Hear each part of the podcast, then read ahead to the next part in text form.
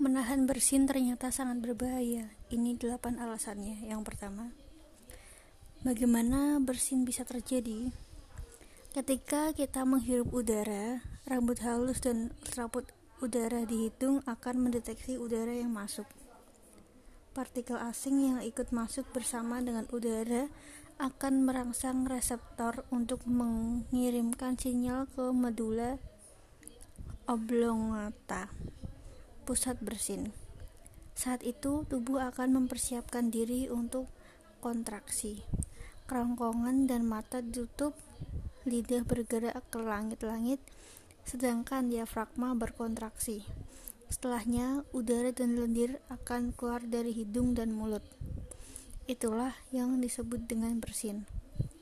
Yang kedua, menahan bersin bisa menimbulkan kenaikan tekan tekanan pada organ yang terlibat. Bersin tergolong aktivitas kuat. Droplet dari lendir yang dikeluarkan dari hidung kecepatannya bisa mencapai 160 km per jam.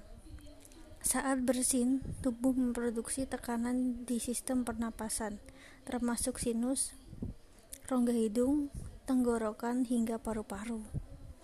Berdasarkan laporan dalam jurnal Computers in Biology and Medicine, tahun 2016 para ilmuwan mengukur tingkat tekanan 1 pon per inci persegi di tenggorokan seorang perempuan yang bersin. Saat ia mengembuskan napas keras selama aktivitas berat, mereka memiliki tekanan tenggorokan yang jauh lebih sedikit, hanya sekitar 0,03 psi.